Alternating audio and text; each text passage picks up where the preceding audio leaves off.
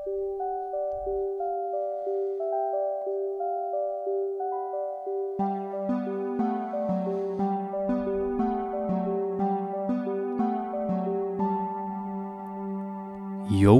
þjálfarin 1. desember Það var einu sinni strákur sem hétt Hallur.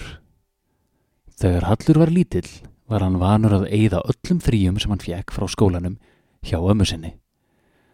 Hallur átti heima í borginni en amma átti heima langt, langt upp í sveit. Og hverju sumri og hverju jól fór hann til hennar. Ef það var að sumri til, komu mamma og pappi oftast líka og ef það var desember, fekk hann stundum að fara aðeins á undan hinnum. Svo komu mamma og pappi með alla pakkana og litlusistur þegar nær dró jólum.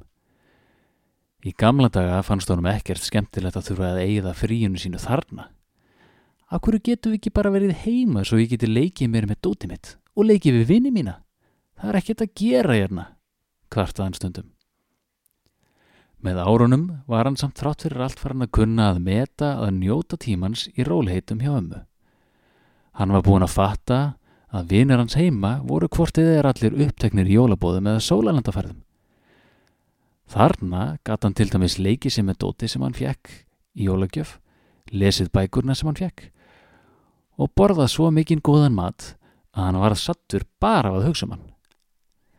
Það eru öruglega allir heima í Reykjavík fastir í umfraðteppu eða stressaðir að leitaði bílastæði við kríluna, sagði pappi alltaf og með árunum var Hallur farin að fatta að það var alveg rétt. Það var miklu betra að vera bara hjá ömmu. Á sumrin var náttúrun í kringum ömmubæ eins og hann kallaði alltaf húsið hennar ömmu, svo sannkallað ævintýra land með sínum grösugu hólum og hæðum í alls konar sterðum og gerðum. Það var hvergi önnur hús að sjá. Þarna leið honum fyrir jálsum sem fuggli og hann réð sér alveg sjálfur. Skamt undan var svo fjaran fyrir neðan ömubæ sem tegði sér meðfram ströndinni svo langt að ekki sást enda á milli. Og þó þessi saga sé einmitt jólasaga, byrjar hún áð sumri til. Hallur gekk oft um fjöruna. Hann gekk hægt og vandaði hvert skref, því hvert skipti sem hann steig niður fæti og fann eitthvað hart undir fótum sér, hugsaðan. Ætli ég hafi verið að stíga á grjót, rusl, eða ef þið vil lokið á fjársjóskistu. Hann lifti fætinum varlega og gáði, og oftast var það bara grjót, og ef það var ekki grjót, þá var það yfirleitt rusl.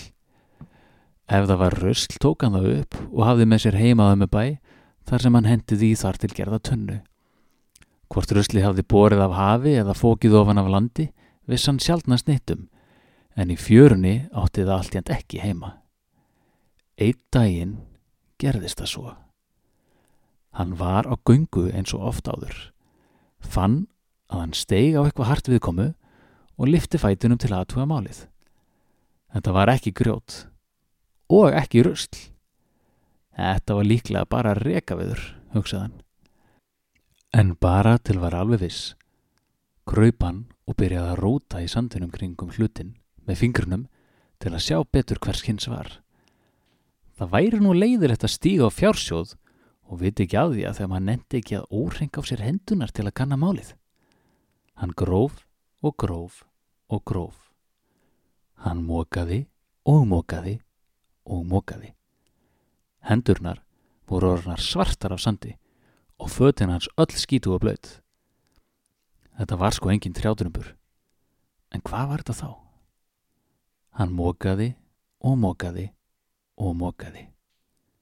Allt í hennu sá hann það. Þetta var fjársjóðskista.